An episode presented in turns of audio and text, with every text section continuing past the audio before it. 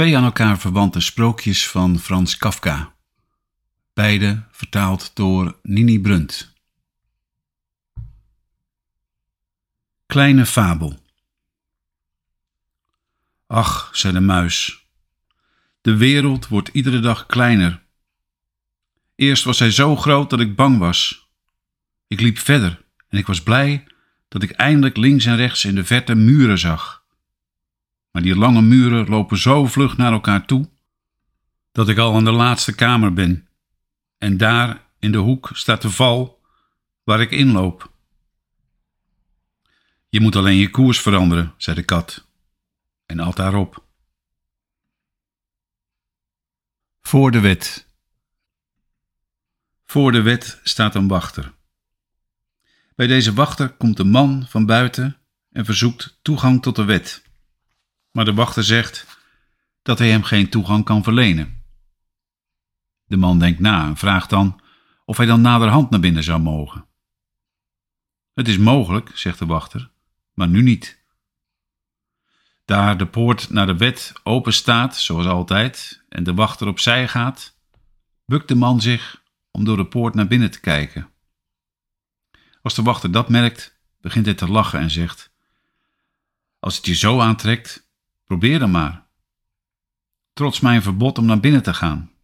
Maar begrijp goed, ik ben machtig. En ik ben maar de laagste wachter. Van zaal tot zaal staan er wachters, de een al machtiger dan de ander. Ik kan de derde al niet eens meer aankijken. Zulke moeilijkheden had de man van buiten niet verwacht. De wet moet toch voor iedereen en altijd toegankelijk zijn, denkt hij. Maar als hij nu de wachter in zijn bontjas, met zijn grote puntneus, zijn lange, dunne, zwarte tartarenbaard, nauwkeuriger bekijkt, besluit hij toch liever te wachten tot hij toestemming krijgt om naar binnen te gaan. De wachter geeft hem een krukje en staat toe dat hij naast de poort gaat zitten. Daar zit hij, dagen en jaren. Hij probeert telkens toegelaten te worden en vermoeit de wachter met zijn gevraag. De wachter neemt hem vaak kleine verhoren af, vraagt hem uit over zijn geboorteplaats en over allerlei andere dingen. Maar het zijn onverschillige vragen, zoals deftige heren ze doen. En tenslotte zegt hij altijd weer dat hij hem nog niet binnen kan laten.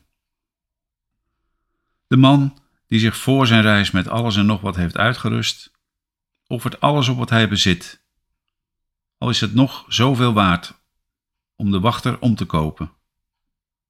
Deze neemt wel alles aan, maar zegt erbij: Ik neem het alleen maar aan, opdat je niet gelooft dat je iets hebt nagelaten. Gedurende de vele jaren kijkt de man bijna ononderbroken naar de wachter.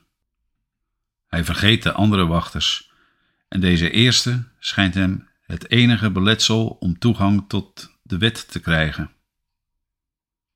Hij vervloekt het ongelukkige toeval. In de eerste jaren roekeloos en hardop, later, als hij oud wordt, bromt hij nog maar in zijn baard. Hij wordt kinds, en daar hij door de jarenlange beschouwing van de wachter ook de vlooien in zijn bondkraag kent, smeekt hij ook de vlooien hem te helpen en de wachter over te halen. Ten slotte worden zijn ogen zwakker en hij weet niet of het werkelijk donkerder wordt om hem heen of dat zijn ogen hem bedriegen. Maar wel ontwaart hij in het donker een glans die onweerstaanbaar uit de poort van de wet stroomt. Nu zal hij niet lang meer leven. Voor zijn dood verzamelen zich alle ervaringen van die hele tijd in zijn hoofd tot een vraag, die hij tot nu toe niet aan de wachter gedaan heeft. Hij wenkt hem, daar hij zijn verstijvend lichaam niet meer kan oprichten.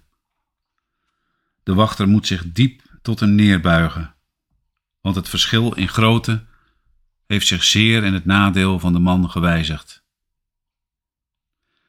Wat wil je nu nog weten? vraagt de wachter. Je bent onverzadigbaar. Iedereen streeft er toch naar de wet te bereiken, zegt de man. Hoe komt het dan dat er in al die jaren niemand anders dan ik om toegang heeft gevraagd.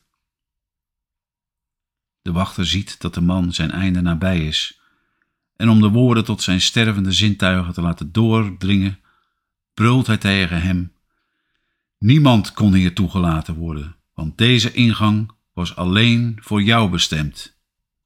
Ik ga nu weg en sluit de poort.